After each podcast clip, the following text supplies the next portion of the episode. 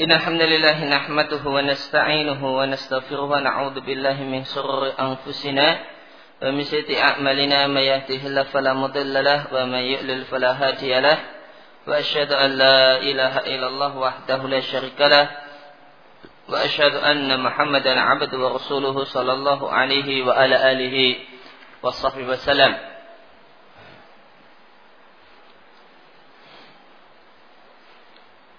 أما بعد فقال المؤلف حفظه الله تعالى الجلوس حيث ينتهي المجلس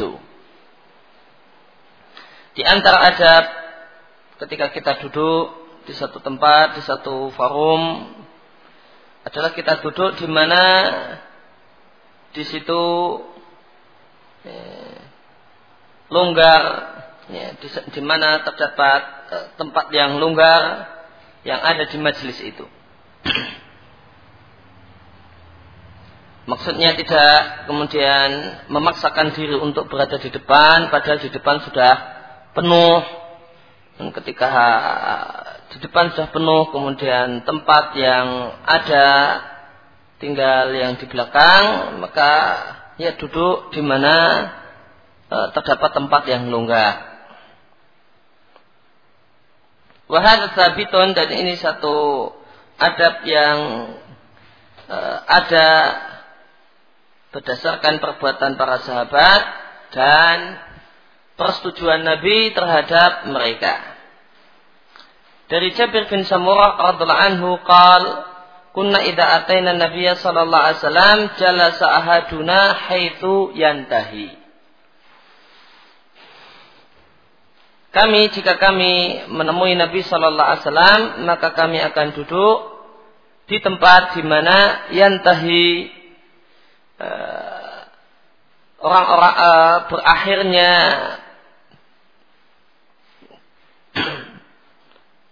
berakhirnya orang-orang yang duduk. Maksudnya tempat yang longgar dan lapang. Yang ada di sebuah majelis. Diatkan oleh Abu Dawud dinilai sahih oleh Al-Albani. Artinya mereka para sahabat jika mereka datang ke sebuah majelis maka mereka tidaklah memaksakan diri untuk duduk di depan.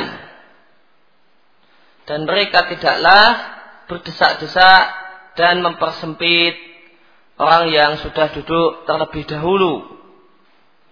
Namun mereka duduk di mana terdapat e, tempat yang longgar di majelis tersebut.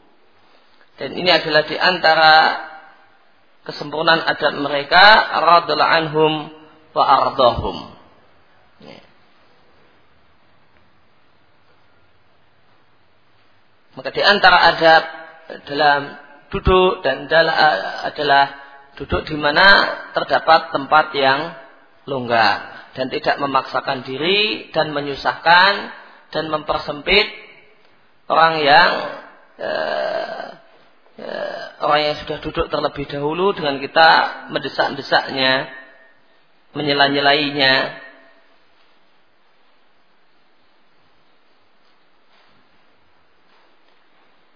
Kemudian di antara, di antara adab yang lain adalah larangan dua orang berbisik-bisik tanpa mengajak orang yang ketiga.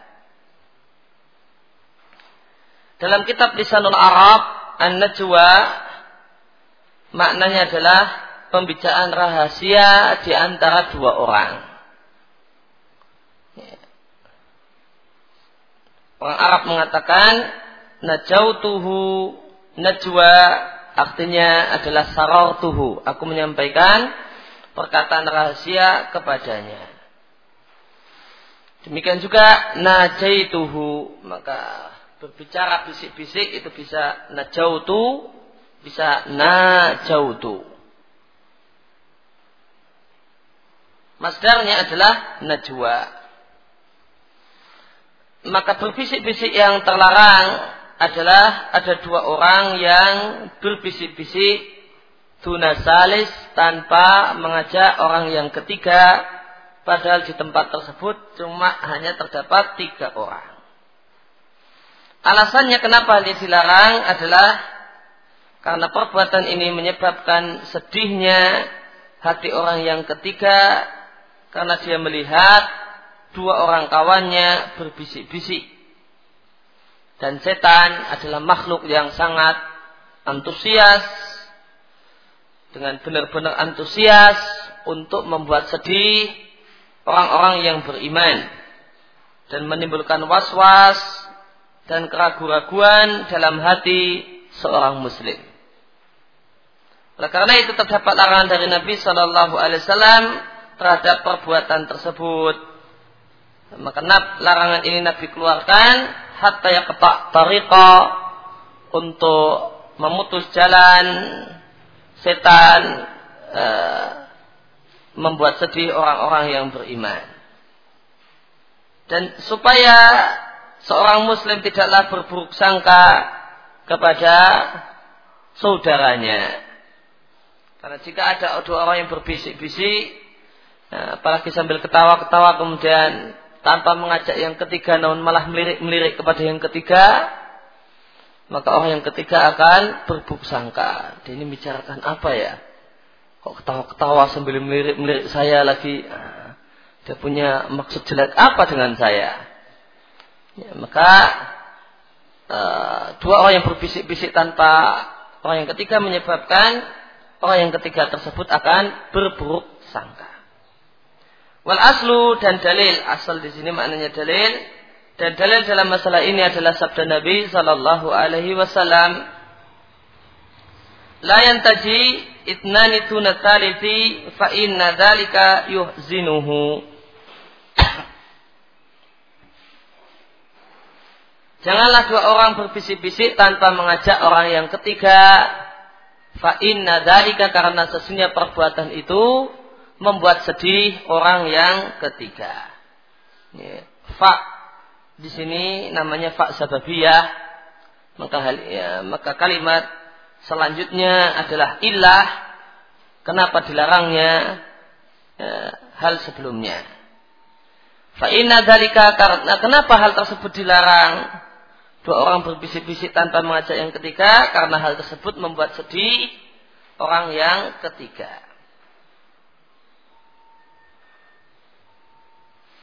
Dalam riwayat yang lain, layatasara itnani tunatalithi tidak boleh berkata-kata rahasia dua orang tanpa mengajak yang ketiga.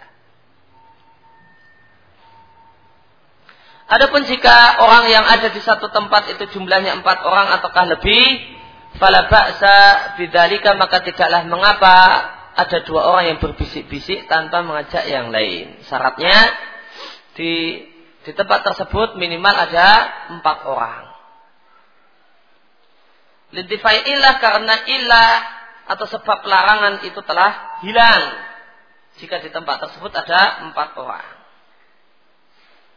Hadis Ibnu Mas'ud menjelaskan hal ini. Ibnu Mas'ud mengatakan, Bahasanya Nabi Shallallahu Alaihi Wasallam bersabda, "Ida kuntum salasatan falayatanaja rajulani dunal akhar." Jika kalian cuma bertiga, maka janganlah ada dua orang yang berbisik-bisik tanpa mengajak yang ketiga. Hatta tahtal itu sampai kalian berbaur dengan banyak orang. Tahtal itu bina sampai kalian berbaur dengan banyak orang min ajli ayuh zinahu. Kenapa terlarang? Min ajli dikarenakan perbuatan itu dua orang berbisik-bisik tanpa yang ketiga adalah perbuatan yang membuat sedih pihak yang ketiga. Dan praktek Ibnu Umar dan perbuatan sahabat Ibnu Umar radhiallahu anhuma di sana kita jumpai praktek nyata untuk hadis di atas. Tentang apa yang dimaksud hatta tahtal itu binas. Diatkan oleh Abdullah bin Dinar, dia mengatakan, Kuntu ana, aku bersama Abdullah bin Umar di rumahnya Khalid bin Uqbah yang ada di pasar. Faja'a rajulun maka datanglah orang yang ketiga yang dia ingin berbisik-bisik dengan Ibnu Umar. Namun tidak ada bersama Abdullah bin Umar seorang pun selain aku. Maka ketika itu cuma ada tiga orang berarti. Selain aku dan selain orang yang ingin berbisik-bisik dengan Ibnu Umar. Lalu apa yang dilakukan oleh Ibnu Umar? Fada'a Abdullah Ibnu Umar rajulan akhar. Maka Abdullah bin Umar memanggil orang yang orang lain sehingga genaplah jadi empat. Maka Ibnu Umar kemudian cari-cari orang yang bisa diajak untuk berada di situ. Maka ketemulah satu orang sehingga jadilah di tempat itu ada empat orang. Kata itakuna arbatan ketika kami telah menjadi empat orang. Maka Ibnu Umar berkata kepadaku dan kepada orang yang tadi beliau panggil. Ya. Ista'akhara syai'an. Mundurlah sedikit. Ya, mundurlah sedikit agak menjauh sana nah, agak menjauh karena dia mau bisik-bisik uh, dengan orang yang minta dan ngajak bisik-bisik. Fa ini sami itu Rasulullah sallallahu alaihi wasallam karena aku mendengar Rasulullah sallallahu alaihi wasallam bersabda la yatanaja itnani duna wahidin tidak boleh dua orang berbisik-bisik tanpa mengajak bicara orang yang ketiga.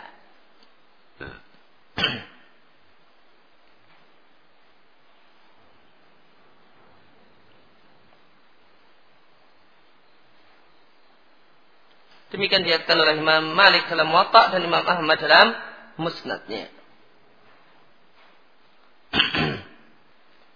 nah termasuk berbisik-bisik dua orang tanpa yang ketiga adalah ketika ada tiga orang kemudian uh, dua orang berbicara dengan suara yang keras namun dengan menggunakan bahasa yang tidak dipahami oleh orang yang ketiga. Maka ini tergolong termasuk dalam larangan berbisik-bisik dua orang tanpa yang ketiga. Karena meskipun keras, ini tetap statusnya bisik-bisik. Karena orang yang ketiga sama sekali tidak paham bahasa yang dipakai oleh dua orang yang sedang berbicara. Padahal di tempat tersebut hanya ada tiga orang sebagaimana dikatakan oleh An Nawawi di Riyadus Salihin. Ya, maka termasuk larangan adalah dua orang berbicara dengan bahasa yang tidak dimengerti oleh orang yang ketiga. Kemudian an-nahyu an sama'il hadis biduni idnin.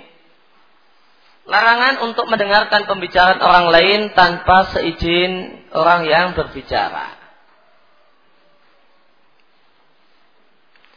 Terdapat ancaman yang keras untuk orang yang mendengarkan pembicaraan orang lain padahal mereka tidak suka kalau pembicaraannya didengarkan. Di antaranya adalah hadis yang diatkan oleh sahabat Ibnu Abbas radhiyallahu anhuma qala qala Rasulullah sallallahu alaihi wasallam Rasulullah sallallahu alaihi wasallam bersabda man tahallama bi hulmin lam yarahu kullifa ayaqaida baina sya'irataini walan yaf'ala.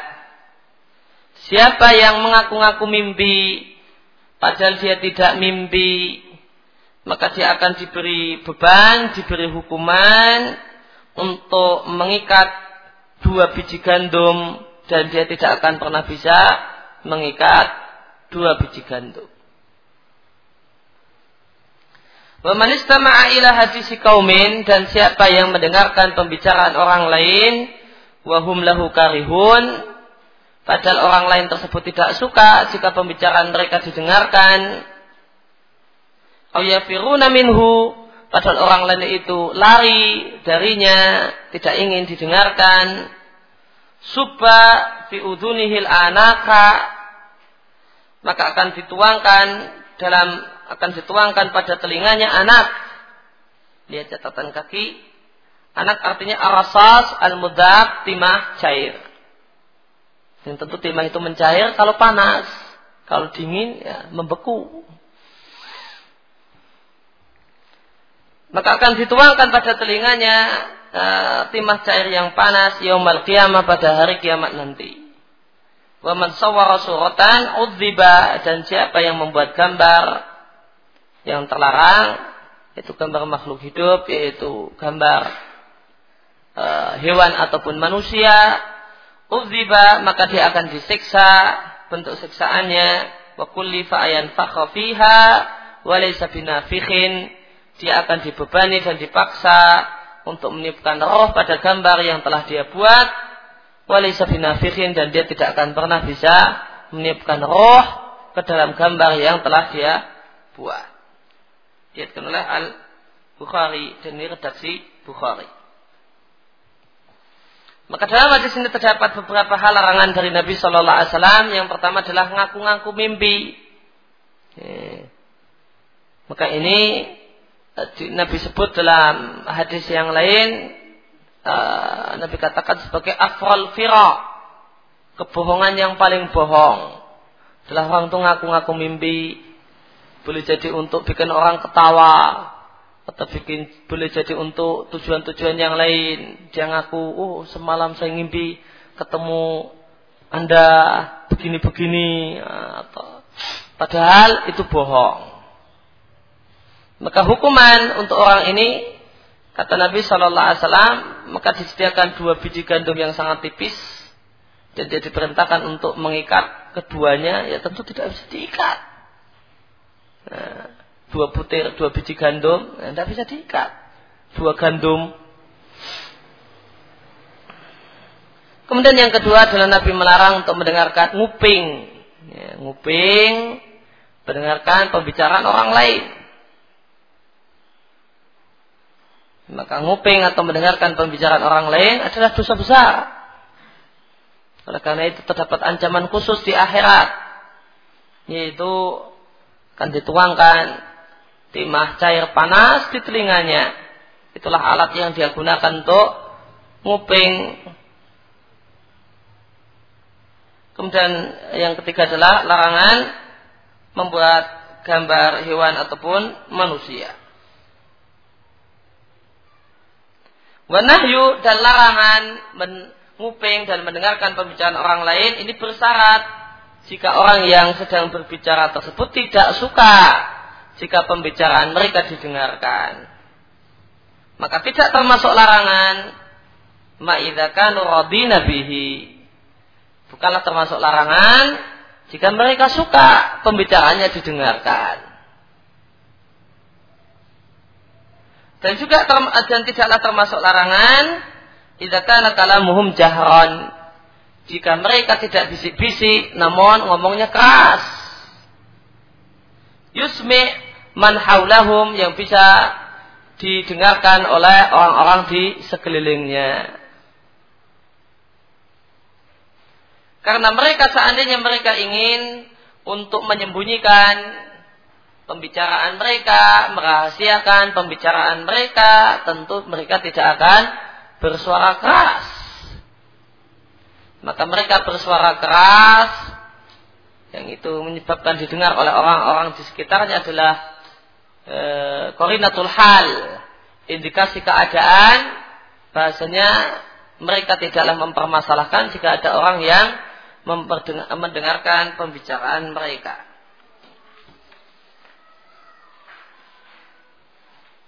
Kemudian uh, al-julus al-manhiu anhu duduk yang terlarang. Model duduk yang terlarang.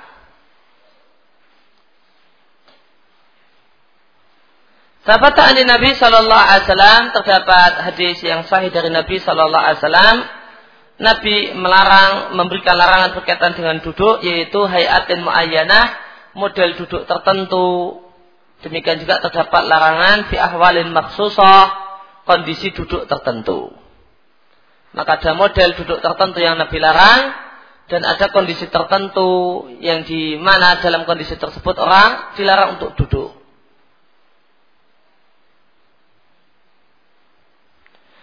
Dan di antara uh, dan model duduk dan kondisi duduk ini ada yang kita ketahui sebabnya kenapa dilarang berdasarkan dalil wahyu dan ada yang kita ketahui sebab kenapa dilarang berdasarkan istihad dan perenungan. Maka model duduk yang yang terlarang adalah seorang baik laki-laki ataupun perempuan meletakkan tangan kirinya di belakang punggungnya. Kemudian wayataki ala mati yadihi. Lalu dia uh, bersandaran dengan uh, bagian dari tangan kanannya yang paling banyak dagingnya.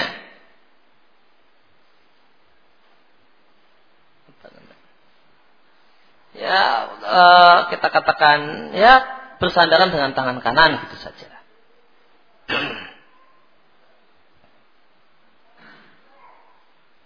Alat TV asli ibham yang ada di pangkalnya uh, jempol. Jempol.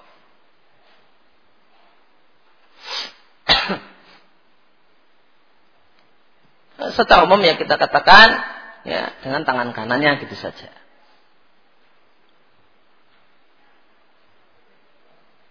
Ja'adzalika min hadis Syarid Ibn Suwaid. Hal tersebut terdapat dalam hadis dari sahabat Syarid Ibn Suwaid radhiallahu anhu. Marabi Rasulullah sallallahu alaihi wasallam wa ana jalisun hakada Rasulullah sallallahu alaihi wasallam pernah melewati aku sedang duduk dengan model seperti ini. Yaitu aku letakkan tanganku yang kiri di belakang punggungku. Watakatu ala aliyati yadi dan aku bersandaran ber ya, uh, bersandaran pada uh, aliyati yadi aliyah itu pantat ya, yang banyak dagingnya dari tanganku. Nah, yang dijelaskan di Aunul Ma'bud maknanya adalah tadi Fakal maka Nabi Shallallahu Alaihi Wasallam mengatakan, Atakaudu adal mardubi alaihim. Apakah engkau duduk dengan gaya duduknya orang-orang Yahudi? Demikian diatkan oleh Imam Ahmad dan Abu Dawud dan dinilai sahih oleh Al Albani. Maka model duduk yang terlarang adalah orang uh, meletakkan tangan kirinya di belakang uh, ya, di belakang punggungnya, kemudian dia letakkan tangan kanannya mungkin di sampingnya, mungkin agak depan, nah, uh, dan yang jadi pegangan pokok atau sandaran pokok adalah uh, tangan kanannya. Maka ini adalah model duduk yang kata Nabi adalah model duduknya Yahudi yang dilarang oleh Nabi Shallallahu Alaihi Wasallam. Dijelaskan oleh Syekh Muslimin di Sarah Riyadus Salihin, bahasanya yang terlarang adalah jika ya, tangan kiri di belakang. Ataupun jika yang di belakang e, punggung adalah tangan kanan atau dua-duanya, maka tidak mengapa. Ya, kalau yang di belakang punggung itu tangan kanan atau dua-duanya tangan kiri dan tangan kanan maka itu tidak mengapa. Yang terlarang adalah jika yang berada di belakang punggung adalah tangan kiri. Wa amal hal sedangkan kondisi ya, duduk yang terlarang adalah seorang baik laki-laki ataupun perempuan duduk di satu tempat yang sebagian badannya terkena sinar matahari dan sebagian badannya ternaungi mendapatkan naungan. Dalilnya dari Abu Hurairah radhiallahu anhu qal qala Abu Qasim sallallahu alaihi wasallam Abu Qasim Muhammad sallallahu alaihi wasallam mengatakan atau eh, idza kana ahadukum fi syamsi wa qala mukhallat fil fai'i jika salah satu kalian mendapatkan sinar matahari terkena badan kalian terkena uh, sinar matahari kalau riwayatnya mukhallat atau badan kalian fil fai'i mendapatkan naungan. Faqala sa'anhu dhillu kemudian bayang-bayang atau naungan tersebut mengkerut. Ya, lama-lama menghilang lama-lama berkurang. Wasara ba'du fi syamsi sehingga sebagian badan terkena sinar matahari. Wa ba'du fi Sedangkan sebagian badan yang lain mendapatkan naungan. faliyakum maka hendaklah dia segera berdiri meninggalkan tempat tersebut. Jadikanlah Abu Daud dan dinilai sahih oleh Al-Albani. Dalam riwayat Ahmad, fal yatahawal min majlisihi maka adalah dia berpindah dari tempat duduknya itu. Mencari tempat yang lainnya. Dari jalurnya Buraidah, sahabat Buraidah radhiallahu anhu, beliau mengatakan anak Nabi sallallahu alaihi wasallam naha ayuqa'ada baina dhilli wa syamsi. Sehingga Nabi sallallahu alaihi wasallam melarang duduk di antara bayang-bayang dan e, sinar matahari sehingga sebagian badan e, tertutupi naungan dan bayang-bayang dan sebagian badan Eh, terkena terik sinar matahari. Dilihatkan oleh Ibnu Majah, Al-Albani mengatakan sahih. Kenapa terlarang duduk di tempat semacam ini? Jawabannya sebabnya adalah karena ini adalah tempat duduknya setan. Setan hobi duduk di tempat semacam ini. Sebagaimana ditegaskan dalam Imam Ahmad dan yang lainnya, diriatkan oleh Imam Ahmad dari jalurnya salah seorang sahabat Nabi Shallallahu Alaihi Wasallam. Nabi mengatakan, na, uh, Nabi Shallallahu Alaihi Wasallam naha, sunya Nabi Shallallahu Alaihi Wasallam melarang ayat jelisa baina bihi wa dhilli. Nabi Shallallahu Alaihi Wasallam melarang duduk di tempat antara sinar matahari dan naungan. Wakal Nabi mengatakan majelis syaitani itu adalah tempat duduknya setan.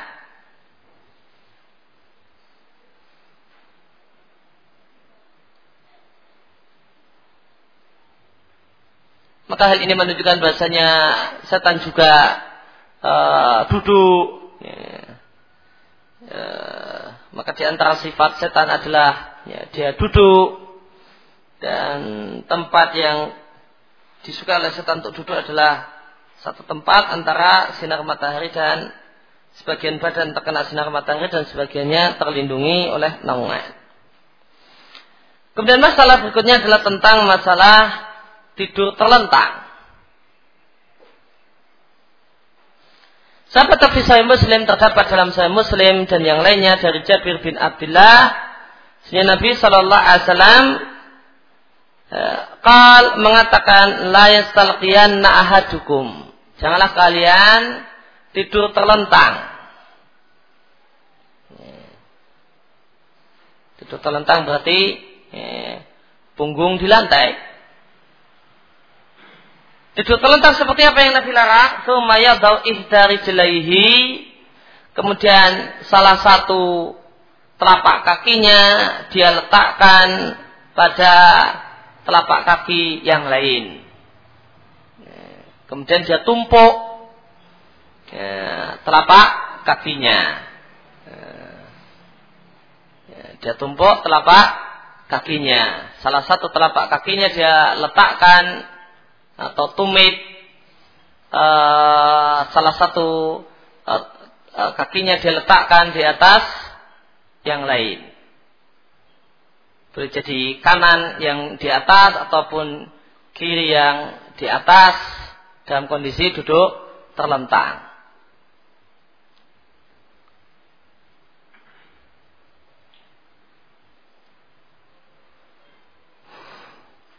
Namun terdapat dalil yang nampaknya membolehkan duduk e, atau tiduran semacam ini. Wasabata aidan fi sahihain. Akan tapi terdapat dalam hadis Sahih Bukhari dan Muslim dan yang lainnya dari Ubad bin Tamim dari pamannya annahu absara bahasanya pamannya melihat Nabi Shallallahu Alaihi berbaring di masjid. Rafi'an ihdari jelaihi alal ukhra. Dalam posisi salah satu telapak kakinya itu diletakkan di uh, di telapak kaki yang lain. Maka nampaknya dua hadis ini bertentangan. Wal hadisani zahiruhuma ta'arudu. Ya, dua hadis di atas sekilas nampak bertentangan, bagaimanakah kita kompromikan dua hadis di atas? Maka ada beberapa penjelasan ulama berkaitan dengan mendudukkan dua hadis ini. Sebagian ulama mengatakan bahasanya larangan itu mansuh. Larangan tidur terlentang dengan posisi kaki semacam di atas itu mansuh dengan perbuatan Nabi Shallallahu Alaihi Wasallam. Namun pendapat ini dibantah oleh Ibnu Hajar dengan beliau katakan bahasanya nasakh tidaklah bisa kita tetapkan bil ihtimal dengan sekedar kemungkinan. Mungkin dinasakh. Karena apakah orang uh, apakah orang yang mengatakan nasakh itu bisa memastikan ini mansuh? Tidak bisa. Cuma mengatakan mungkin mansuh. Kenapa kok cuma mungkin? Tidak pasti karena kultu aku katakan uh, karena lah Buddha haruslah kita ketahui manakah dalil yang duluan dan manakah dalil yang belakangan. Uh, supaya orang itu bisa mengatakan secara pasti ini mansuh harus ada sejarah mana hadis yang Nabi katakan duluan dan mana hadis yang Nabi katakan belakangan. Jika tidak kan cuma bermain di kemungkinan. Oh mungkin. Ya, dan tidak boleh menetapkan nasah dengan cuma dasar mungkin. Karena bisa dibalik. Ya, boleh jadi kita katakan yang uh, perbuatan Nabi tersebut yang mansuh. Nah, itu yang duluan. Kemudian larangannya itu belakangan.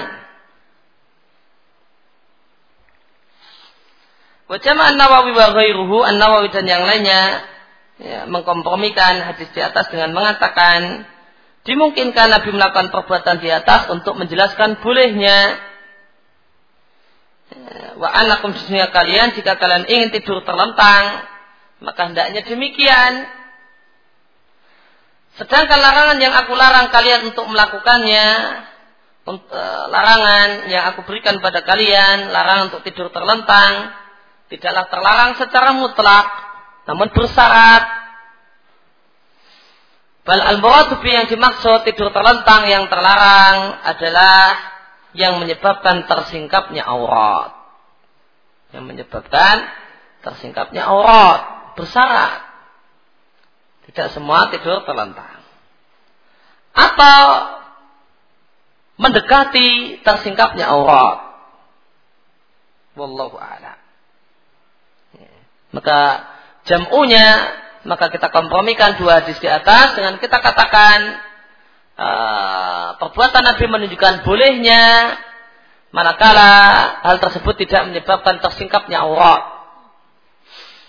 Adapun larangan tidur terlentang ya, dengan menumpuk kaki uh, ini berlaku jika dikhawatirkan aurat tersingkap.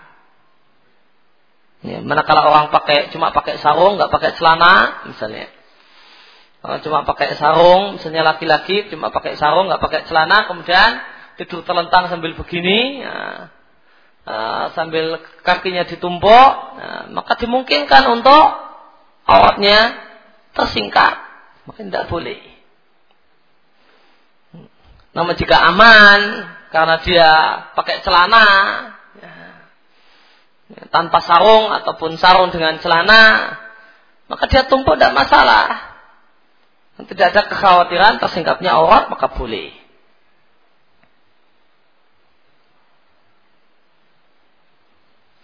Wa yu'ayidu hadzal qaula dan pendapat ini dikuatkan yaitu pendapat bahasanya perbuatan Nabi adalah menjelaskan bolehnya dan tidaklah khusus untuk Nabi Maka mungkin ada orang yang mengkompromikan uh, dua hadis di atas dengan mengatakan bahasanya perbuatan Nabi adalah khususiyah. Ya. Dimungkinkan orang untuk berpendapat pendapat uh, perbuatan Nabi adalah khususiyah, sedangkan larangan Nabi itu yang ditujukan untuk umat. Nah, pendapat yang uh, seandainya Seandainya ada orang yang berpendapat perbuatan Nabi adalah khususiyah, maka ini adalah pendapat yang tidak bisa diterima.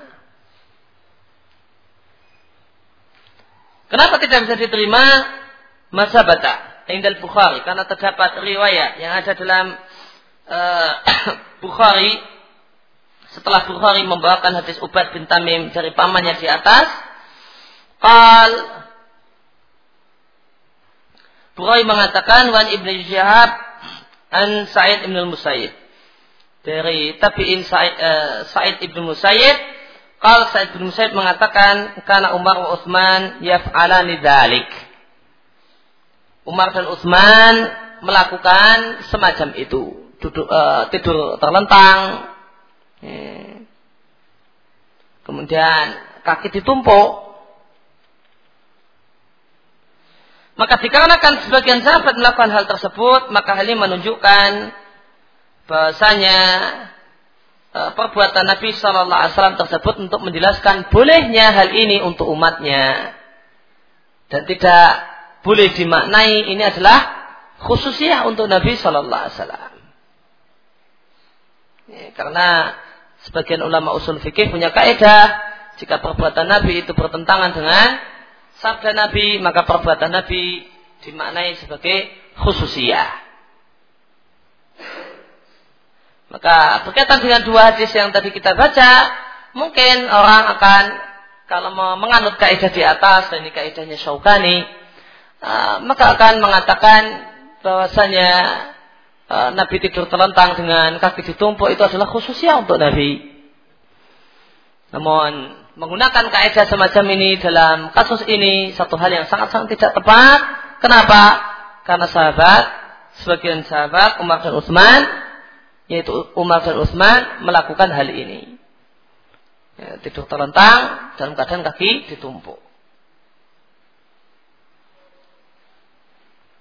Maka ringkasnya tidur terlentang sebagaimana di atas dibolehkan, lakin ma'al amni namun jika ada jaminan dari tersingkapnya aurat. Bisa dipastikan aurat tidak tersingkap.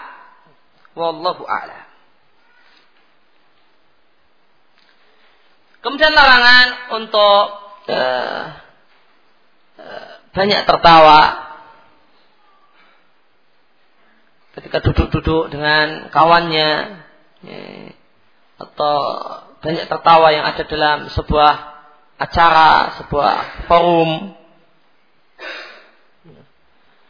Eh, laisa minal muru'ah maka bukanlah termasuk muru'ah sebuah kehormatan tidak pula sebuah bagian dari adat jika tertawa adalah yang dominan di sebuah majelis.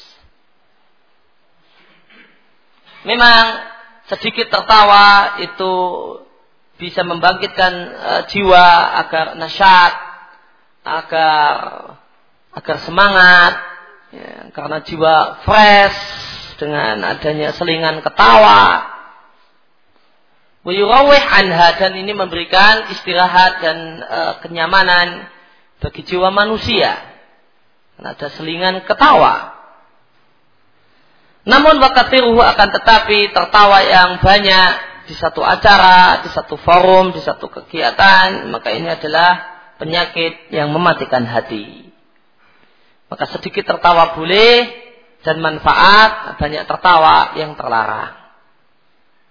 Dari Abu Hurairah radhiallahu anhu qala qala Rasulullah sallallahu alaihi wasallam la tukthiru min ad-dhahiki fa inna ad-dhahiki tumitul qalba.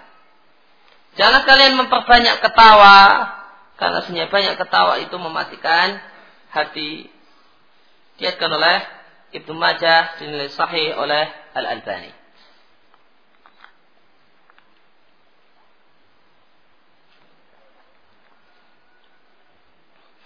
Maka majelis dagelan, majelis uh, lawak, uh, yang intinya adalah memperbanyak ketawa, adalah majelis yang terlarang. Bukan majelis yang menghibur, namun kalau menghibur maka yang namanya ketawa menghibur yang menyenangkan hati adalah selingan saja. Ya. Ataupun jika dari awal acara satu jam dari awal sampai akhir ketawa terus maka ini uh, adalah satu majelis yang terlarang dilarang oleh Nabi Shallallahu Alaihi Wasallam. Karayatu tajasyuk bihadratil akhirin. Di antara adab ketika kita duduk dan bersama orang lain adalah terlarang e, bersendawa ketika ada di di hadapan dan bersama banyak orang. Tajasyuk di lisanul Arab tajasyuk mananya tanafusul ma'idah adalah bernapasnya lambung tinggal intila karena lambung itu penuh dengan makanan ya, pada saat kenyang.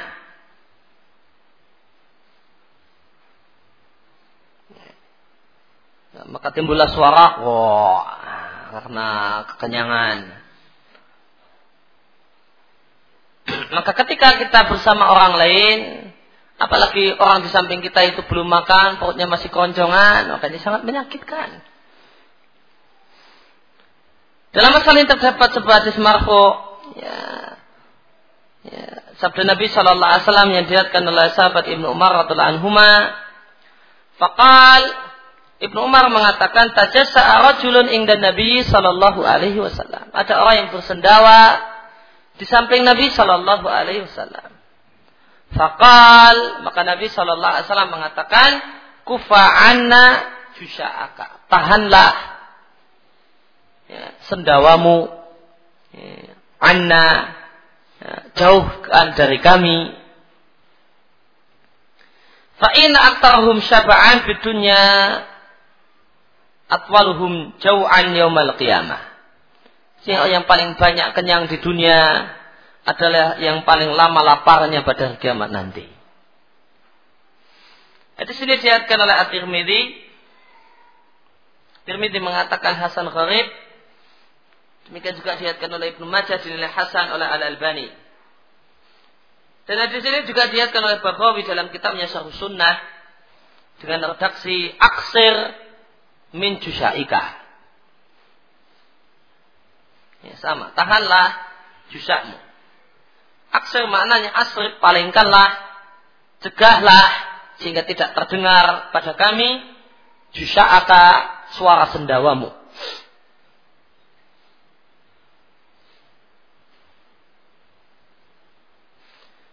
Kemudian ada majelis yang terakhir di sini adalah anjuran untuk menutup majelis dengan bacaan kafaratul majelis.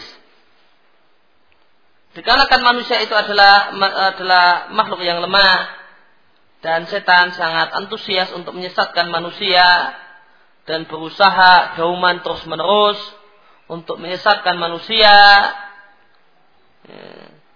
dan bisa e, mencelakakan manusia dengan cara E, manusia melakukan berbagai bentuk kemaksiatan.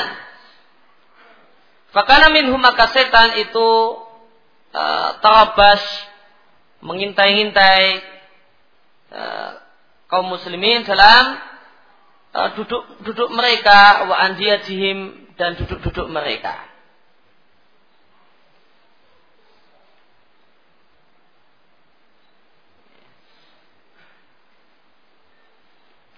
Muharidan lahum dan setan mengompor-ngompori menyemangati manusia untuk melakukan ucapan perkataan yang dusta atau ucapan yang tidak benar. Dikarenakan Allah adalah zat yang maha pengasih dengan hamba-hambanya, maka Allah syariatkan untuk hamba-hambanya melalui lisan nabinya beberapa kalimat yang bisa mereka ucapkan. Yang kalimat tersebut menghapus dosa, menghapus dari mereka apa yang menempel pada diri mereka dikarenakan kotoran e, majelis tersebut.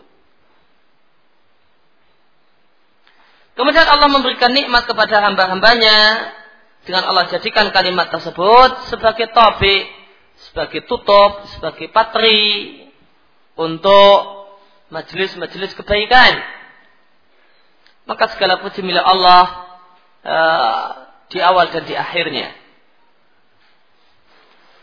Ya kalimat-kalimat yang Nabi ajarkan untuk kita baca di akhir majlis uh, itu terdapat dalam hadis Abu Hurairah radhiallahu anhu qala qala sallallahu alaihi wasallam man jalasa fi majlisin kathura fi laghatuhu maka siapa yang duduk di sebuah tempat duduk Ya, kemudian di tempat tersebut dia banyak lagat, ya, uh, suara teriak-teriak yang tidak ada manfaatnya. Artinya suara yang pembicaraan yang tidak ada manfaatnya. Fakala qabla ayakuma maka dia berdiri maka dia berkata sebelum dia berdiri meninggalkan tempat tersebut subhanaka rabbana wa bihamdika la ilaha illa anta astaghfiruka thumma atubu ilaik. Niscaya Allah Subhanahu wa taala akan mengampuni uh, semua yang terjadi di majelisnya itu. Diatkan oleh Imam Ahmad uh, dan uh, juga diatkan oleh Abu Daud dari jalurnya sahabat Abdullah bin Amr bin Al-As dilasai oleh Al-Albani tanpa kalimat salah samarat. Ya, kalau dalam riwayat Abu Dawud itu ada tambahan diucapkan sebanyak tiga kali. Dan kata Al-Albani tambahan diucapkan tiga kali tidak sahih. Ya, maka sehingga cukup diucapkan sekali. Wa inda Tirmidzi dalam riwayat Tirmidzi bunyinya adalah subhanaka Allahumma wa bihamdika asyhadu an la ilaha illa anta astaghfiruka wa atubu ilaik. Sedangkan dalam redaksinya Aisyah maka ada sedikit perbedaan juga uh, anak Rasulullah sallallahu alaihi wasallam Rasulullah sallallahu alaihi wasallam jika duduk di satu tempat duduk atau setelah selesai mengerjakan salat maka beliau mengucapkan beberapa kalimat Lalu Aisyah bertanya kepada Nabi sallallahu alaihi wasallam tentang kalimat yang diucapkan oleh Nabi, maka Nabi mengatakan intakalama fi khairin kana tabi'an alaihinna ila yaumil. Jika seorang itu di satu tempat dia berkata-kata isinya kebaikan, maka kalimat ini berfungsi sebagai ya, penutup, sebagai segel, sebagai ya, ya, penutup yang alihina untuk mereka alihina atas eh, kalimat-kalimat uh, kebaikan yang terucapkan, maka jadilah kalimat-kalimat kebaikan yang terucapkan sebagai simpanan pahala yang tidak akan hilang ila yaumil qiyamah sampai akhir kiamat nanti. Namun jika seorang itu berbicara dengan pembicaraan bukan pembicaraan kebaikan, maka kalimat-kalimat ini adalah kafarah untuknya. Itulah ucapan subhanakallahumma wa bihamdika astaghfiruka wa atubu ilaik. Lihatkan oleh Nasai dan eh, dan ini adalah redaksinya Nasai Ibnu Hajar mengatakan di Fathul Bari sanadnya kuat. Maka ada beberapa pilihan bacaan bisa sebagaimana hadis Abu Hurairah yang diatkan oleh Abu Dawud ya, Subhanaka Rabbana wa bihamdika la ilaha illa anta astaghfiruka thumma atubu ilaik. Bisa juga dengan redaksinya Tirmidzi Subhanaka Allahumma wa bihamdika asyhadu an la ilaha illa anta astaghfiruka wa atubu ilaik. Bisa juga dengan redaksinya Nasai uh, dari Aisyah Subhanaka Allahumma wa bihamdika astaghfiruka wa atubu ilaik. Dan ini diucapkan ya, idealnya diucapkan adalah sebelum berdiri. Ya, sebelum berdiri. Maka jika masih duduk di tempat tersebut maka uh, kurang tepat sebenarnya mengucapkan kalimat-kalimat ini. Dan kalimat ini diucapkan di semua majelis. Ya, seorang habis duduk-duduk ngobrol dengan kawannya, uh, duduk-duduk uh, nongkrong di pinggir masjid. Uh, habis itu kemudian dia duduk mau pulang, maka tidaklah dia mengucapkan kalimat-kalimat ini. Atau dia duduk-duduk terima tamu di rumahnya, kemudian tamunya uh, pulang dan dia pun hendak masuk atau maka atau tamunya hendak pergi maka uh, dia maka tidaklah diucapkan kalimat-kalimat ini maka kalimat atau doa atau bacaan kafaratul majlis itu tidak harus uh, dalam sebuah acara resmi, acara formal. Ya, jadi acara bacaan penutup acara formal. namun semua majelis, semua tempat duduk.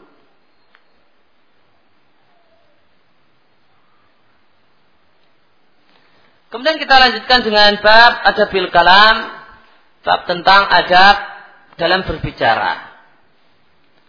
Allah Subhanahu wa taala berfirman di surat Al-Isra ayat yang ke-31, "Wala taqfu ma laysa laka bi ilmun."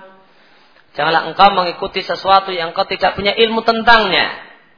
Inna sam'a wal basar wal fuada kullu ulaika kana anhu mas'ula. Sesungguhnya pendengaran dan penglihatan dan niat yang ada di dalam hati seluruhnya akan ditanyai.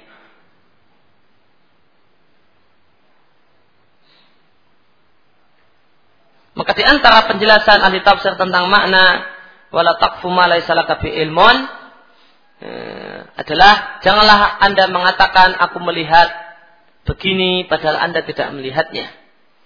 Janganlah Anda katakan saya mendengar demikian padahal Anda Anda tidak mendengarnya.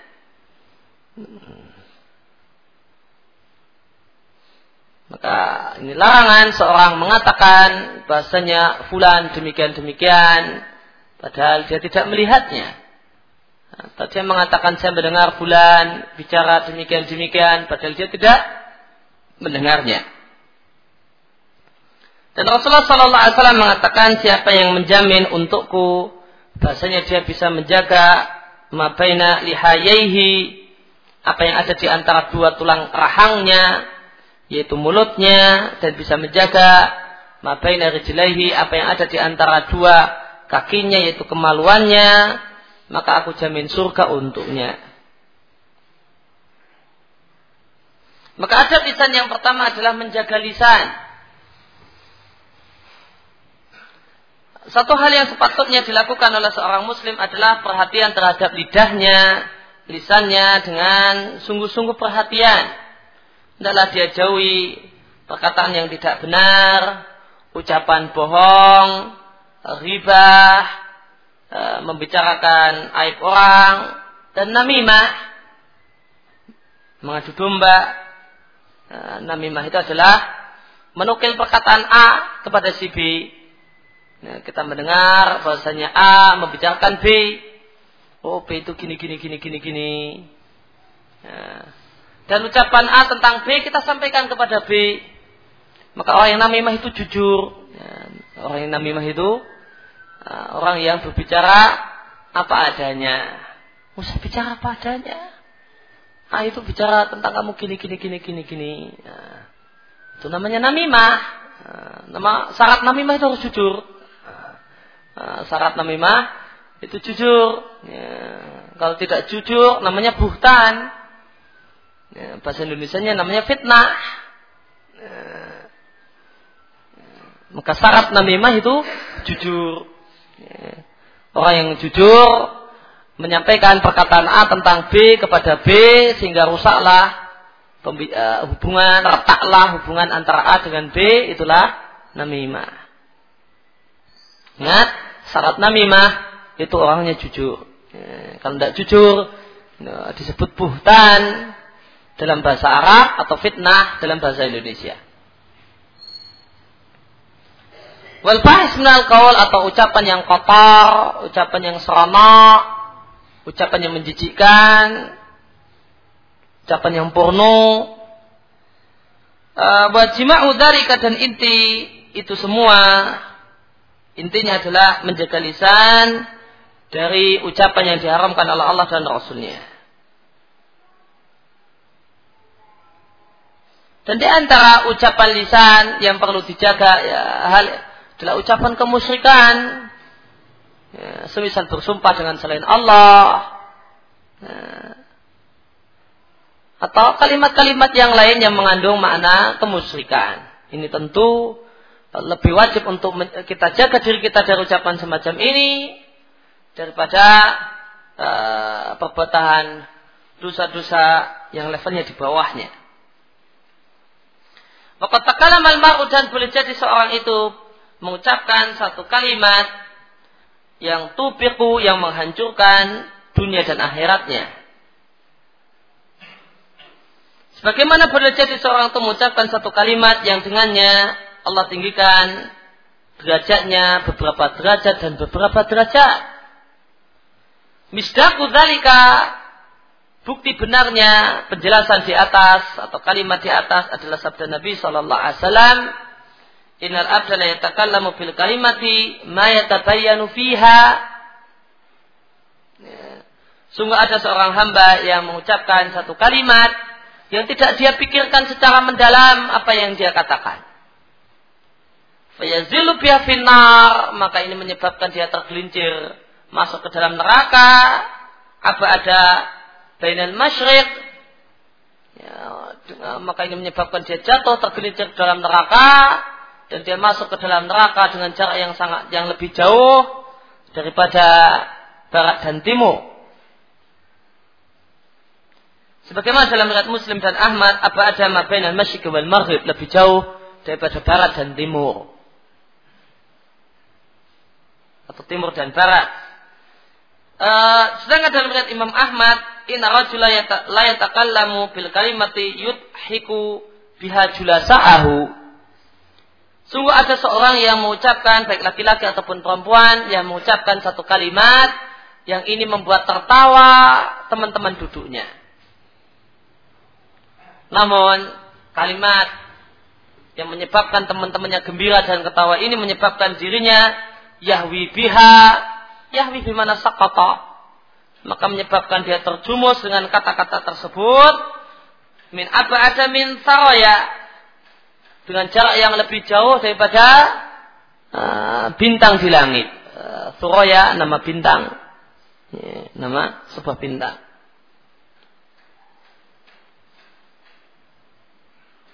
Demikian juga sebagaimana uh, seorang itu boleh jadi mengucapkan kalimat yang menyebabkan muka Allah Subhanahu wa taala, maka boleh jadi seorang itu uh, uh, sababan mengucapkan satu kalimat yang disebab tingginya derajat dan uh, datangnya kebahagiaan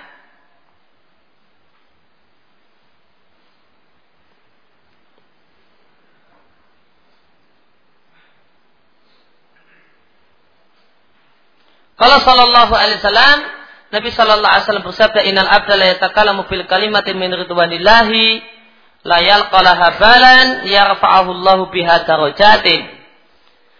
Sungguh ada seorang hamba yang mengucapkan satu kalimat yang Allah ridai yang dia tidak terlalu uh, yalqa laha balan memberikan hati dan perhatiannya terhadap kalimat yang dia ucapkan ternyata itu menjadi sebab Allah meninggikan derajatnya beberapa derajat. Wa inal abda la yatakallamu fil kalimati min sukhtillahi la yalqalaha balan yahwi biha fi jahannam. Dan sungguh ada seorang hamba yang berbicara dengan satu kalimat yaitu adalah kalimat yang Allah murkai yang dia tidak begitu perhatian dan tidak begitu memberikan hatinya untuk memikirkan kalimat-kalimat tersebut namun ini menyebabkan dia terjatuh ke dalam neraka biha gara-gara kalimat yang dia ucapkan. Dan Mu'ad bin Jabal pernah bertanya kepada Rasulullah Sallallahu Alaihi Wasallam tentang amal yang memasukkan ke dalam surga dan menjauhkan dari neraka. Maka Nabi Sallallahu Alaihi Wasallam menyebutkan beberapa rukun Islam dan sebagian pintu-pintu kebaikan. Semakala lahu kemudian Nabi berkata kepada Mu'ad bin Jabal, ala ukhbiruka bimilaki bimilaki kullihi. Apakah engkau mau kuberitahu kunci itu semua? Kunci pintu-pintu kebaikan yang tadi telah disebutkan. Maka aku katakan bala ya Nabi Allah tentu aku mau untuk mendengarkan apa kunci supaya bisa melakukan berbagai hal di atas Fa'akhoda bilisanihi, maka Nabi memegang lidahnya. Dan Nabi katakan, kufa alaika. Hada. Nah, ikatlah dan jagalah. Nah, kekanglah benda ini. Maka aku katakan, wahai Nabi Allah, wa inna lam akhaduna bima natakallamu bihi. Wahai Nabi Allah, apakah kita akan mendapatkan hukuman gara-gara ucapan yang kami katakan? Maka Nabi Shallallahu Alaihi Wasallam mengatakan sakilat ke umuk, ya, semoga ibumu kehilangan dirimu. Artinya, ya, engkau cepat mati. Namanya adalah kalimat zajar wa dhahir laisa bil murah. Nah, sakilat ka ummuk itu adalah kalimat untuk uh, untuk teguran dan kalimat yang menunjukkan tidak pantas bagi orang selevel Mu'ad bin Jabal untuk tidak mengerti hal ini. Itu maknanya. Wadzahiruhu laisa bil murad. Makna zahir dari kalimat ini tidaklah dimaksudkan. Karena zahirnya adalah doa kematian.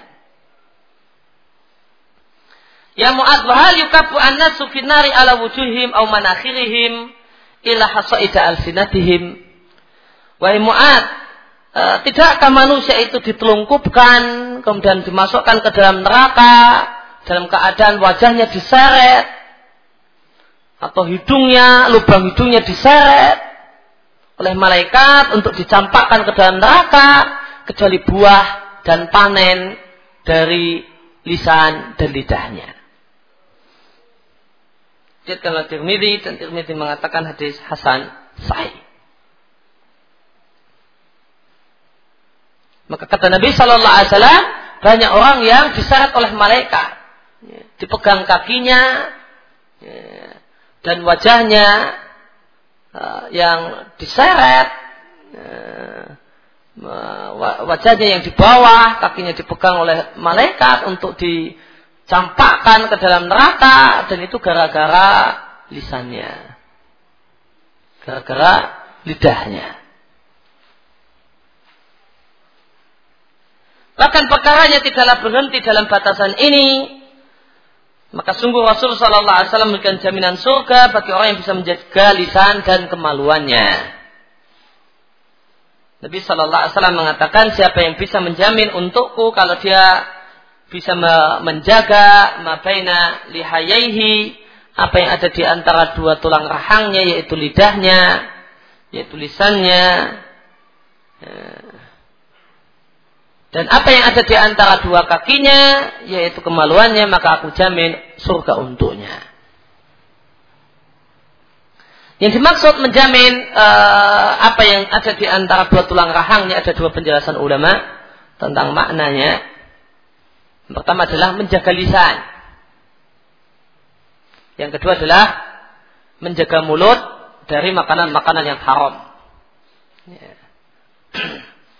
Maka siapa yang bisa menjaga dua tulang rahangnya, apa yang ada di antara dua tulang rahangnya, dengan dia tidak masuki makanan-makanan yang haram, riba, ya, ataupun suap, ataupun yang lain, ya, khamar, ya, uh, Demikian juga dia bisa menjaga apa yang ada di antara tulang rahangnya dari pembicaraan yang terlarang, yaitu lidahnya, dari perkataan yang tercela.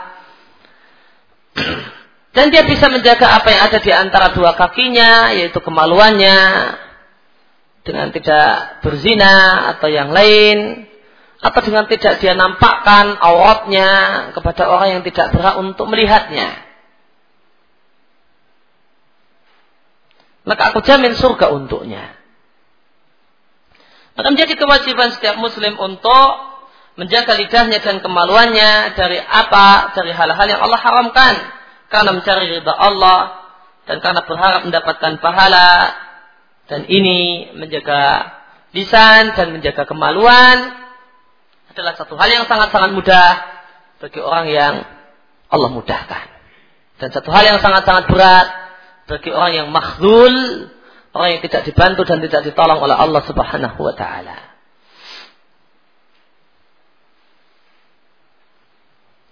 Tentang pentingnya lisan terdapat sebuah hadis dari sahabat Abu Sa'id Al-Khudri radhiyallahu anhu kata Hamad bin Zaid dan aku tidaklah mengetahui kecuali Abu Sa'id memafukkannya. Artinya Abu, uh, Abu Sa'id mengatakannya adalah sabda Nabi. Maka Nabi Shallallahu Alaihi Wasallam bersabda, "Ida asbaha ibnu Adam." Jika pagi tiba, fa inna a'dha'ahu tukafiru lisana. Maka anggota badan manusia menyatakan uh, penghinaan diri kepada lidah. Setiap pagi tiba, maka anggota badan bicara kepada lidah dan menyatakan ketundukan kepada lidah.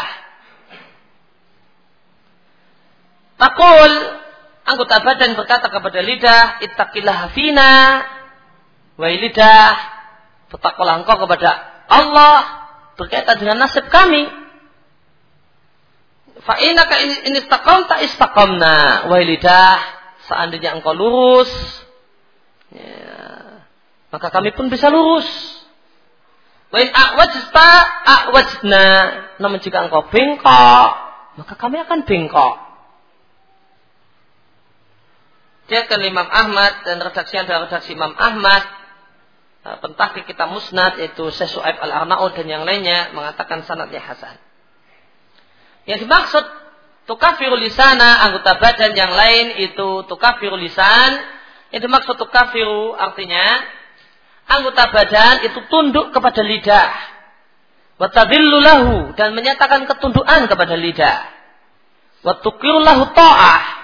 Watukirullahu bita'ah dan mengakui kalau dia taat kepada lidah.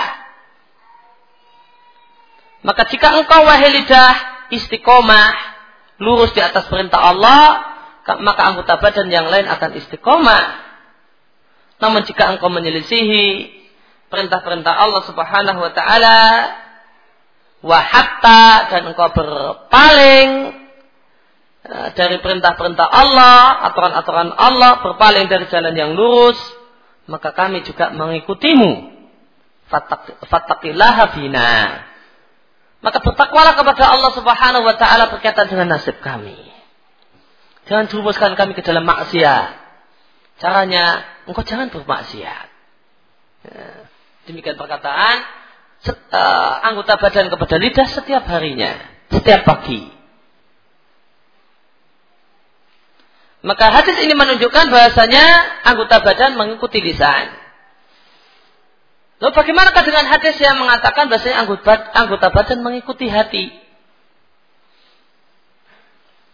Walau itu dan hadis ini tidaklah bertentangan wala ta'arad dan tidak adalah pertentangan, tidak ada pertentangan antara hadis ini dengan sabda Nabi sallallahu alaihi wasallam dari hadis Nu'man bin Bashir yang mengatakan sebenarnya di, di pada badan manusia terdapat segumpal daging.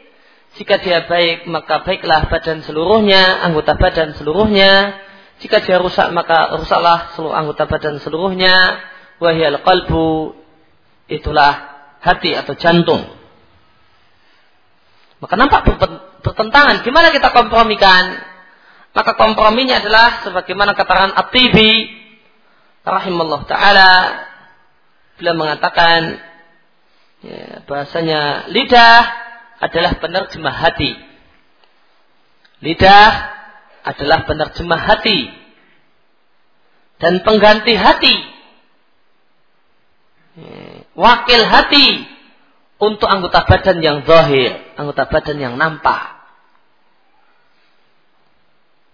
Sebagaimana gambaran yang disebutkan oleh sebagian uh, ulama, bahasa lidah itu bagikan gayung. Maka apa isi uh, maka apa isi gayung? Maka itulah isi hati. Maka apa yang terucap di lidah, maka itulah menandakan apa uh, bagaimanakah isi hati. Maka jika ketundukan anggota badan itu disandarkan kepada lidah, maka itu adalah alasabilil majas. Maka itu maksudnya adalah majas. Karena dia adalah wakilnya hati. Sebagaimana ucapan Anda, uh, syafat tabibul maridah, uh, Pak Dokter menyembunyi, uh, menyembuhkan si sakit. Maka ini kata Atibi, kalimat semacam ini boleh jika maksudnya adalah majas. Maka kalimat uh, Pak Dokter menyembuh, uh, menyembuhkan si sakit adalah satu hal yang diperbolehkan jika uh, maksudnya adalah majas dan bukan hakiki. Uh, kalau mak maksudnya adalah hakiki yaitu anggapan bahasanya manusia memberikan kesembuhan, maka ini kemusyrikan. Tapi jika maksudnya adalah majas, ya, karena karena usaha dokter maka uh, maka si sakit ini sembuh, maka boleh. Berarti berdasarkan penjelasan Atibi di sini kalimat syafat tabibu al-marida itu perlu tafsil. Orang yang mengucapkannya perlu uh, dimintai rincian. Apa maksud Anda dengan kalimat Pak Dokter menyembuhkan, menyembuhkan si sakit? Apa maksud hati Anda dengan kalimat ini? Karena uh, jika maksudnya benar, maka benar. Ya jika maksudnya salah, maka berarti kemusyrikan. Uh, Al-Maidani uh, berkata Al-Maidani tentang ucapan orang Arab atau ucapan Al-mar'u bi asraraihi seorang itu ditentukan dengan dua benda kecil yang dimiliki, dia miliki. Yakni yang dimaksudkan dengan dua benda kecil adalah hati dan tidak. Artinya seorang manusia itu akan tegak dan sempurna sifat-sifat kemanusiaannya, ma'anihi, ya, nilai-nilai kemanusiaan itu akan sempurna. Makna di sini nilai makna artinya nilai-nilai kemanusiaan uh, nilai lengkap seorang manusia itu benar-benar terwujud dan ada ketika sempurna dua benda tadi, hati dan lidahnya. Wa unsidali Zuhair. Ada seorang penyair jahiliyah namanya Zuhair ibn Abi Sulma memiliki syair. Ini perkataan penyair jahiliyah. Wa ka'in tara min samitin laka mu'jibu ziyadatuhu au nuqsanuhu fit takallumi. Lisanul fata nisfun wa nisfun fuaduhu falam yabqa ila suratul lahmi wa dami. Betapa banyak Anda engkau uh, uh, betapa banyak Anda lihat orang yang diam. Laka mu'jibu yang uh, dia orang tersebut kagum denganmu. Maka sempurna ya, bertambahnya orang yang diam tadi ataukah rendahnya dia, mulia dan rendahnya dia fitakalumi kalau sudah bicara. Kata Zuhair bin Abi Sulma, maka mulia dan rendahnya manusia yang uh, tadi dalam kondisi diam baru kelihatan. Jadi manusia mulia ataukah manusia hina ketika dia bicara. Maka akan nampak aslinya. Oh ini manusia mulia ataukah manusia hina. Ketika dia ngomong. Lisanul fatan nisfun Hakikat manusia itu cuma dua. Ya, setengahnya manusia itu ada di lidahnya dan setengah yang kedua ada di hatinya. Itulah hakikat manusia. Ada di lidah dan di hatinya. Falam ya peka dan tidaklah tersisa. Ya. Jika lidah dan hati itu sudah rusak, maka tidaklah tersisa kecuali uh, bentuk daging dan darah. Yang ini tidak ada bedanya dengan kambing dan sapi. Maka yang menentukan dan membedakan antara manusia dengan bukan manusia, kata Zuhair bin Abi Sulma, adalah ya, gimana omongannya, gimana keadaan hatinya. Ya. Kalau itu rusak, ya, tidak ada bedanya dengan kambing, ayam. Ya, sama-sama ada daging dan ada darahnya ya, kambing dan ayam berdaging dan berdarah, ini juga berdaging dan berdarah. Maka tidak ada bedanya.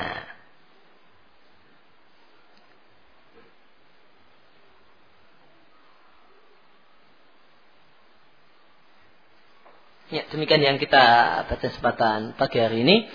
Wassallallahu ala nabiyina Muhammadin wa ala alihi wa sahbihi wasallam wa aghu da'wana alhamdulillahi rabbil alamin.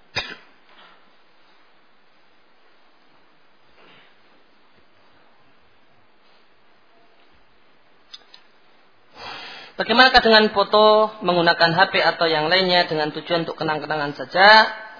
Apakah hal tersebut termasuk menggambar? Bagaimana jika yang difoto anak kecil, apakah hukumnya sama?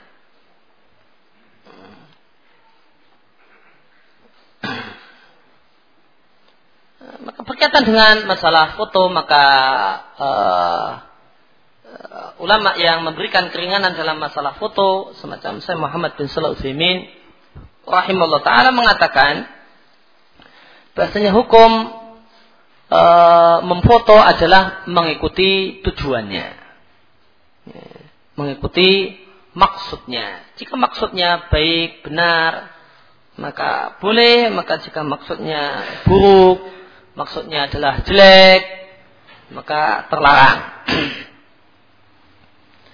Dan uh, dan maksud kenang-kenangan itu dalam uh, menurut saya Ibnu Taimin rahimahullah taala termasuk maksud yang terlarang.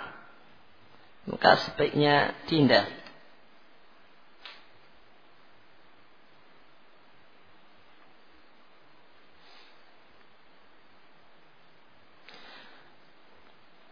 Boleh apakah tidak seorang wanita memotong kuku dan memotong rambut ketika haid?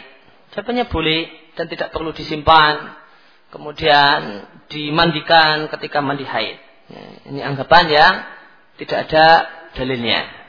Ya, banyak perempuan beranggapan ketika haid kok perlu uh, potong kuku atau potong rambut, maka kuku dan rambut yang dipotong itu disimpan, kemudian nanti ikut dibasahi, dan dimandikan ketika mandi haid baru kemudian dibuang. Ya, anggapan uh, yang mengharuskan semacam ini adalah anggapan yang tidak benar dan adalah anggapan yang tidak berdalil.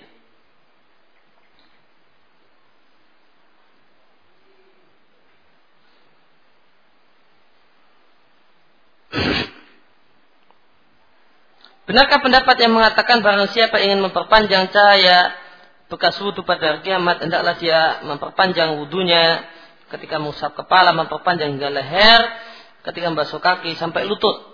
Demikian pendapat sebagian ulama ya, menganjurkan untuk melebihkan uh, ya, ketika berwudhu, membasuh kaki maka dilebihkan tidak hanya uh, sampai mata kaki namun sampai setengah betis atau bahkan sampai lutut uh, tangan sampai bukan hanya siku namun sampai uh, lengan uh, namun uh, pendapat yang benar hal ini adalah tidak dituntunkan.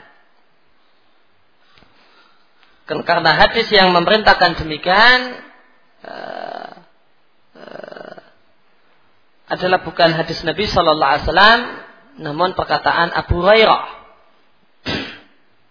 Ya, Falitawil huratahu wa tahjilahu. Maka adalah dia panjangkan cahaya wajah dan cahaya tangan dan kakinya. Ya, maka ini yang benar ini adalah perkataan Abu Hurairah bukan sabda Nabi Shallallahu Alaihi Wasallam sebagaimana dijelaskan oleh banyak para ulama pakar hadis Ibnu Taimiyah, Ibnu Qayyim dan yang lainnya. Dan yang benar, hurah dan tahjil tidak bisa dipanjangkan. Karena hurah adalah cahaya di wajah. Maka kalau sudah bukan wajah, ya sudah tidak lagi termasuk hurah. Dan seluruh wajah itu sudah terbasuk. Demikian juga tahjil, yaitu cahaya di kaki dan di tangan karena air wudhu.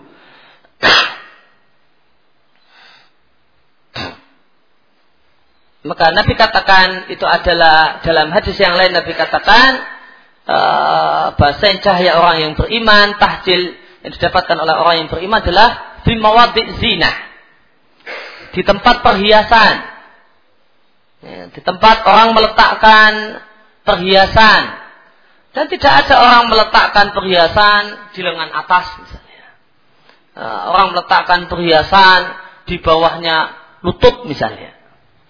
Uh, ya, orang meletakkan perhiasan kaki di mana? Di mata kaki. Eh. Oleh karena itu, uh, karena tahjil itu Nabi jelaskan adalah di mawadik zina, di tempat adanya perhiasan, maka yang benar tahjil juga tidak bisa dipanjangkan. Oleh karena itu, uh, pendapat yang paling kuat di antara dua pendapat ulama dalam masalah ini tidak dianjurkan untuk melebihkan e, ketika berwudu tidaklah dianjurkan untuk melebihkan dari batasan yang telah ditentukan.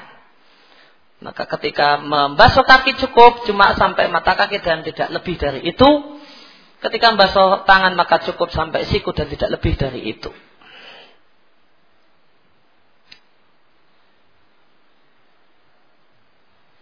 Bolehkah mengamalkan doa dan zikir yang sebagian ulama ada yang mensahihkan, sebagian lagi membaifkan? Semisal beberapa doa atau zikir pada Islam Muslim yang didaifkan uh, oleh sebagian ulama.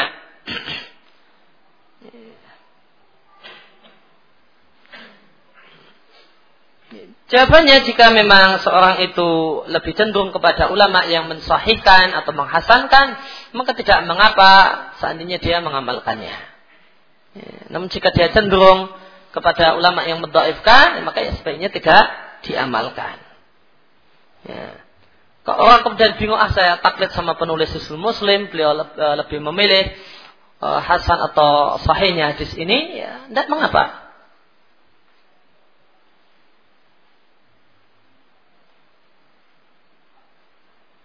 Apakah jika tujuan e, memfoto untuk kenang-kenangan termasuk dosa besar?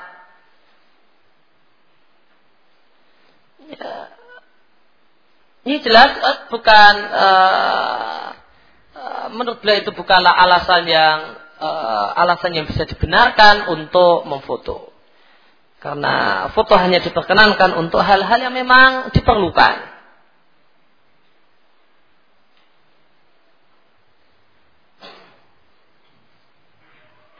Bolehkah membalas SMS seorang teman atau sepupu lawan jenis yang masih awam ketika mereka menanyakan sesuatu tentang agama. Jika yang menerima SMS adalah perempuan dan yang SMS eh, laki-laki, maka uh, jika itu tanya tentang masalah agama dan dimungkinkan itu tidak bertindak uh, tidak menghasilkan diskusi kemudian berpanjang lebar uh, ngalor ngidul e, bicara bisa dijawab seperlunya. Namun jika kemudian ini membutuhkan diskusi panjang, e, maka bisa disarankan untuk ya, direkomendasikan untuk SMS kepada sesama jenis. Misalnya cari siapa yang bisa e, menerima SMS atau untuk, untuk telepon kepada orang yang lebih mengerti. Ya, untuk menghindari hal-hal yang tidak tidak diinginkan.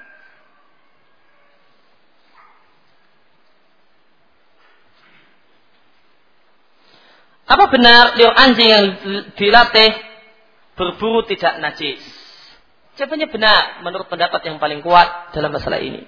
Karena tidak terdapat uh, penjelasan dari Allah dan Rasulnya perintah untuk uh, membasuh uh, leher binatang buruan yang digigit oleh anjing pemburu. Tidak terdapat penjelasan dari Allah dan Rasulnya uh, leher binatang buruan yang digigit oleh anjing pemburu untuk dibasuh tujuh kali, salah satunya dicampur tanah. Tidak ada penjelasan demikian dari Allah dan Rasulnya. Dan anjing pemburu, adalah satu hal yang memasarakat di masa Nabi Shallallahu Alaihi Wasallam. Ya, karena tidak adanya penjelasan khusus tentang masalah ini, maka pendapat yang paling kuat dari beberapa pendapat ulama tentang status air liur anjing pemburu ketika dia menggigit binatang buruan adalah tidak ada kewajiban untuk membersihkannya. Dan jika orang itu merasa jijik kemudian maka lain. Tapi kalau e, ini pembahasan sebuah keharusan e, secara agama e, maka yang benar tidak ada keharusan.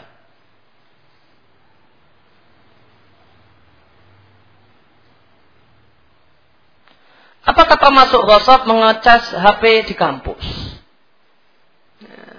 Jawabannya jika tidak ada di antara hak siswa, hak mahasiswa adalah memanfaatkan listrik yang ada di musola kampus atau yang lainnya untuk e, untuk ngecas HP, maka e, ini termasuk mengambil hak orang lain.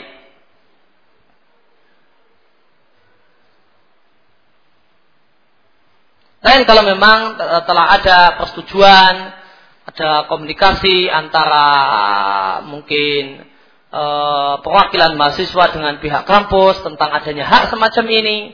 Sudah ada e, pembicaraan dan sudah ada kesepakatan diperbolehkan kan cuma untuk ngecas HP e, di semua tempat yang kosong. Nah, maka lain. Namun kalau tidak, maka pada asalnya ini adalah mengambil hak orang lain tanpa seizinnya. Apakah boleh seorang murid berjalan cepat di depan gurunya ataukah berhenti dan mempersilahkan guru untuk berjalan terlebih dahulu? Kembali kepada kesopanan di masing-masing tempat dan di masing-masing daerah. Jika termasuk bentuk kesopanan di satu tempat dan satu daerah adalah tidak mendahului guru, maka itu adalah sebuah keharusan.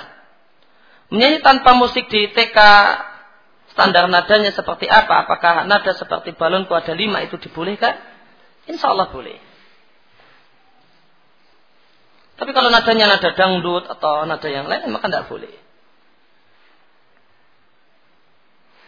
Apa yang harus diperbuat jika seorang pakaiannya terkena najis, kemudian dia sholat duhur, kemudian dia baru tahu bahasanya pakaian terkena najis saat waktu sholat asar. Maka sholat duhurnya sah. Ya. Maka jika seorang itu baru tahu uh, ada ada najis di pakaiannya setelah selesai sholat, maka sholatnya sah. Atau orang tahu sebelum sholat kalau pakainya terkena najis kemudian dia lupa dan dia baru teringat setelah sholatnya selesai maka juga sholatnya sah. Demikian yang disebutkan oleh para ulama dari uh, dari hadis tentang sholatnya Nabi Shallallahu Alaihi Wasallam dan di sandalnya ada najis. Kemudian uh, Jibril uh, memberitahu kalau di sandal Nabi ada najis maka Nabi mencopot sandalnya dan meneruskan sholat. Dan beberapa rakaat sholat yang Nabi lakukan dalam keadaan memakai sandalnya najis tidak Nabi ulangi.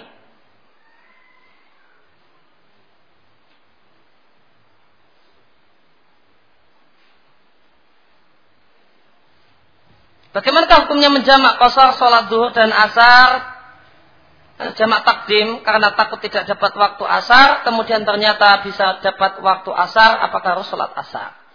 Jika dia adalah orang yang berhak untuk melakukan kosor karena musafir, dan dia adalah orang yang berhak untuk melakukan jamak, maka dia tidak perlu mengulang sholat asar. Karena terdapat kaidah fikih dalam masalah ini, siapa yang melakukan sesuatu sesuai dengan apa yang Allah perintahkan, maka dia tidak perlu mengulangi apa yang Allah perintahkan kecuali ada dalilnya. Ini, kaidah tentang masalah pengulangan ibadah. Siapa yang melakukan sebuah ibadah sesuai dengan apa yang Allah syariatkan, sesuai dengan aturan Allah Subhanahu wa taala, maka dia tidak uh, perlu mengulang ibadah tersebut kecuali terdapat dalil yang mengharuskannya. Maka seorang yang berhak untuk melakukan jamak uh, melakukan jamak Eh, maka ya, dia tidak perlu mengulang sholatnya ketika dia mendapatkan waktu sholat asar atau semisalnya. Kecuali terdapat dalil yang mengharuskan dia untuk mengulang sholat.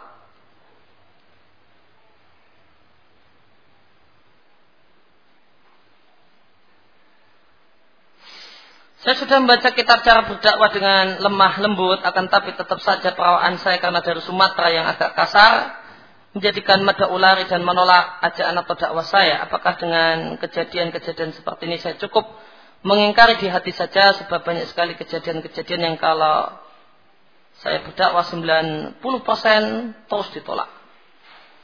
Hmm. Maka jika seorang itu menyadari dirinya tidak bisa lembut dan jika dia berdakwah hanya merusak dakwah dan merusak citra dakwah Ya. Maka hendaklah dia bekerjasama dengan orang yang lain yang bisa uh, mendakwai orang yang uh, orang tersebut dengan cara yang lebih bijak. Ataupun dia hendaklah dia menangani masalah-masalah yang lain yang lebih maslahat untuk umat. Yang tidak berkaitan dengan hal semacam ini. Apakah kita terhitung dosa apabila mendakwai alul bid'ah dengan tidak hikmah sehingga dia menolak dakwah kita? Yang jelas jika seorang itu, seorang yang didakwah itu menolak dakwah karena cara dakwah yang salah, maka di, bu, bukan dia yang salah. Ya, kesalahan itu bukan pada orang yang didakwai, namun pada orang yang mendakwai.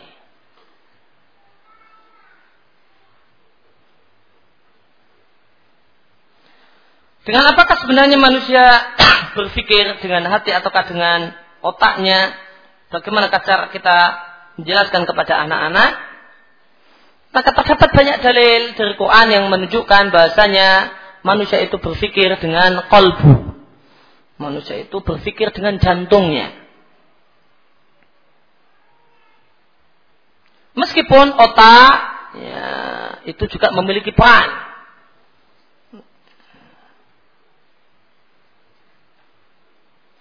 Kalau tidak salah penjelasan Syekhul Islam tentang masalah ini, otak itu adalah tempat al-iradah, tempat kehendak. Adapun uh, al-qalbu, jantung adalah tempat untuk berpikir. Oh tidak salah Syekhul Islam pernah memberikan penjelasan semacam itu. Mengenai perkataan yang jorok atau tidak pantas karena terlalu dewasa, apakah juga diharamkan bagi suami istri? Ya, jika maksudnya adalah rayuan suami istri, maka diperbolehkan. Namun jika cuma maksudnya adalah pembicaraan kotor, maka terlarang.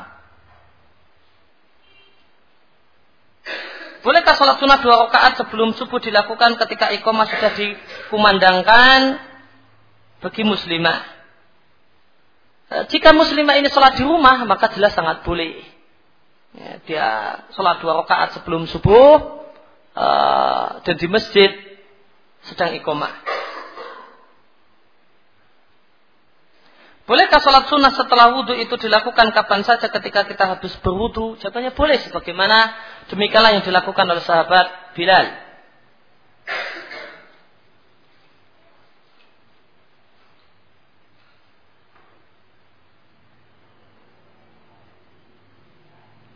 Apa hukum tentang aktivasi otak, otak tengah yang katanya jika seorang mengoptimalkannya maka dia bisa melihat benda di depannya dengan mata tertutup atau orang buta bisa baca Al-Quran, apakah ini sihir? Kemungkinan besar ini sihir.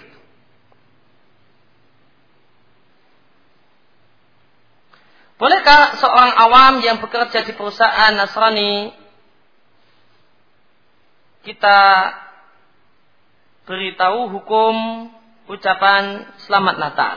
Boleh, ini bagian dari dakwah tentu dengan alasan-alasan yang argumentatif dan uh, yang uh, lebih diterima dengan uh, cara berpikirnya orang awam. Bagaimana cara menasihati seorang teman di Facebook yang statusnya dikomentari oleh laki-laki yang bukan mahram dan komentarnya adalah komentar canda tawa. Ya. Di antara ada pembicaraan antara lawan jenis adalah tidak ada canda tawa antara uh, lawan jenis. Ya, perlu dipahamkan uh, kepada orang tersebut bahasanya Islam mengatur masalah berinteraksi dengan lawan jenis dengan pembicaraan lawan jenis dan di antara adab dalam pembicaraan antara lawan jenis adalah tidak ada canda tawa. Bagaimana adab berbicara istri kepada suaminya? Ya. Kembali kepada al-urf. Ya. Bagaimanakah bentuk penghormatan seorang istri yang baik kepada suaminya menurut al-urf?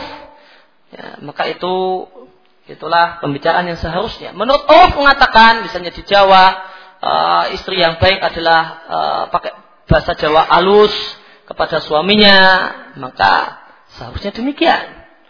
Namun uh, jika jika tidak maka ini kembali kepada al-urfu bagaimanakah bentuk ya, pembicaraan, perkataan yang merupakan uh, penghormatan seorang istri yang baik kepada suaminya.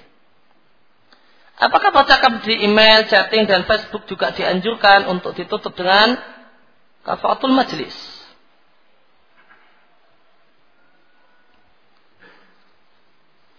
Maka zahir dari hadis-hadis yang bicara tentang masalah ini, maka uh, seharusnya ditutup dengan kafaratul majlis jika pembicaraannya melebar, ngalor ngidul dan uh, namun tidak mesti harus ditulis.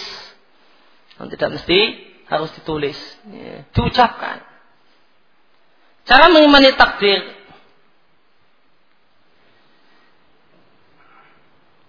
ya, Seorang itu dikatakan mengimani takdir ketika dia yakin bahasanya Allah mengetahui segala sesuatu yang akan terjadi dan Allah mencatat segala sesuatu yang akan terjadi kemudian Allah mengendakinya dan Allah Subhanahu wa taala menciptakan dan menjadikannya. Maka siapa yang mengimani empat hal ini, maka dialah orang yang mengimani takdir. Ya, berkeyakinan bahasanya Allah mengetahui segala sesuatu, kemudian Allah mencatatnya, kemudian Allah mengendakinya, kemudian Allah mewujudkannya di alam nyata, maka dialah orang yang beriman dengan takdir dengan benar.